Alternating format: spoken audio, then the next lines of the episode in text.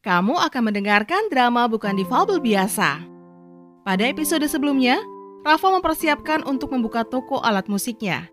Namun ternyata ada seseorang yang tinggal di gudang tokonya. Siapakah dia? Apa yang akan dilakukan Rafa terhadap orang asing itu?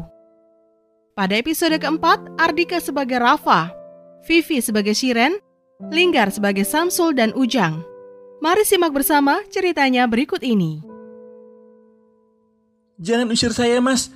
Saya nggak punya tempat tinggal. Saya mau kerja apa aja, Mas. Asalkan saya bisa tidur di sini. Mendengar ucapan pemuda itu, Rafa dan Siren merasa iba. Sejenak Rafa berpikir bahwa saat ini dia juga sedang membutuhkan orang yang bisa membantunya membersihkan toko. Mungkin orang itu dapat dijadikan karyawannya sebagai cleaning service atau sekedar juru kunci.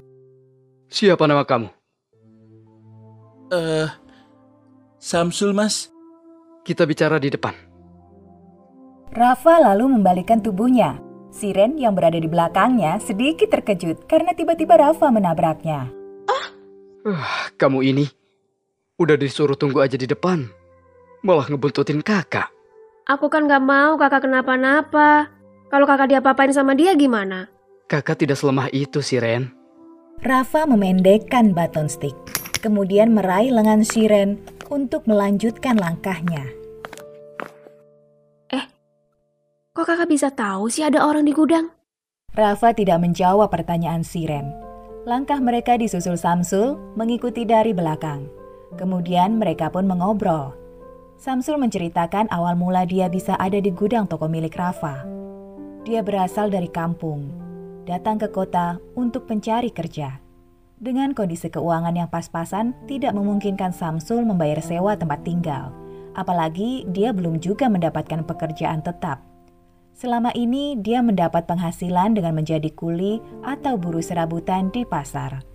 Ternyata dia telah tinggal di sana selama tiga bulan, di gudang tokonya Rafa. Dia memperhatikan toko Rafa yang selalu tutup. Masuk melalui pintu samping toko yang kuncinya mudah dibuka.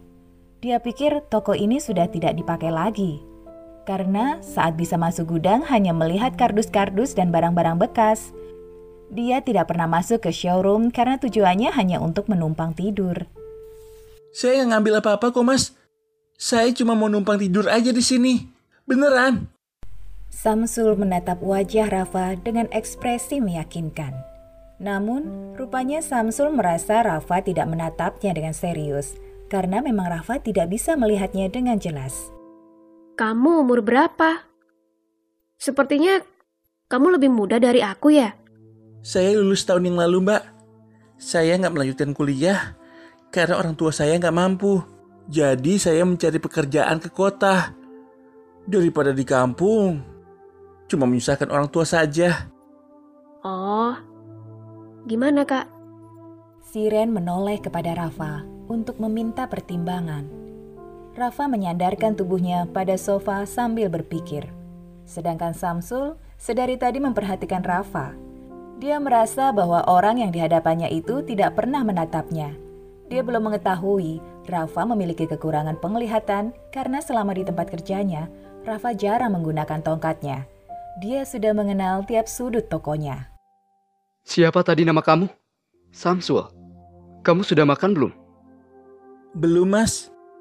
Kita ngobrol sambil makan yuk. Mau makan di mana, Kak? Kita makan nasi padang aja di warung Ujang dekat sini. Shiren, tolong ambilkan tongkat kakak dong. Gak usah, Kak. Kita langsung berangkat aja. Ayo, aku juga udah lapar. Siren lalu meraih tangan Rafa agar menggandeng lengannya saja. Disusul Samsul mengikuti dari belakang. Sesampainya di warung Padang, mereka disambut Ujang. Siren makin cantik aja sih. Lama ya nggak kelihatan. Oh iya, Mas Rafa, apa kabar nih? Udah mulai dibuka lagi mas tokonya? Bang Ujang, bisa aja nih ngegombal. Uh, Ujang? Ujang mengernyitkan keningnya. Mengetahui ekspresi Ujang, Siren mengarahkan tangan Rafa ke Ujang sambil memberi kode agar dipahami Ujang. Bahwa mata kakaknya mulai mengalami penurunan.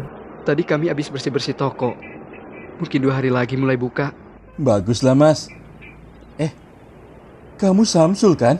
Loh, kamu udah kenal Samsul? Iya mas. Jadi, kamu tahu Samsul tidur di gudang saya? Sebenarnya mau kasih tahu Mas Rafa soal Samsul. Tapi kan kami nggak tahu nomor telepon Mas Rafa. Oh, ya udahlah. Siren, langsung pesen Gi. Sekalian buat Samsul. Menu kakak kayak biasa ya. Bang, buat Kak Rafa, lauknya gulai otak dan perkedel ya. Semuanya langsung taruh di piring aja. Sayur sama lauknya jangan dipisah-pisah. Mata kakak udah gak bisa lihat dengan jelas. Oh, oke. Yang lain lauknya apa?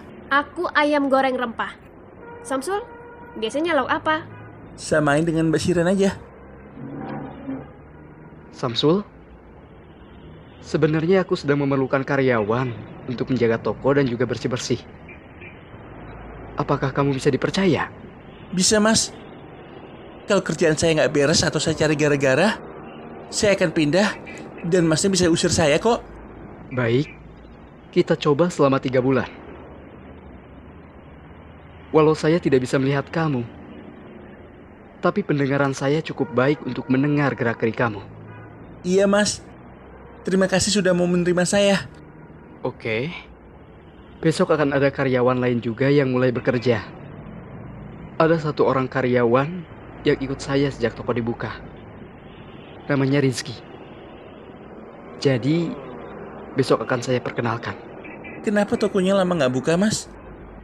Saya menjalani rehabilitasi. Penglihatan Kak Rafa semakin menurun. Lalu menjalani rehabilitasi di panti sosial untuk meningkatkan skill. Oh, iya mbak. Nah, makanan udah dateng nih kak. Lauk dan lalapannya udah dalam satu piring. Lauknya arah jam 10, lalapannya arah jam 12, dan sambal hijaunya arah jam 2. Makasih ya, Siren. Aku kan orangnya cepat belajar. Hehehe. Samsul, silakan dimakan. Kalau kurang, boleh nambah kok. Terima kasih telah mendengarkan Bukan Difabel Biasa. Nantikan episode berikutnya. Drama ini dipersembahkan oleh Ruang Suara Kreatif Production.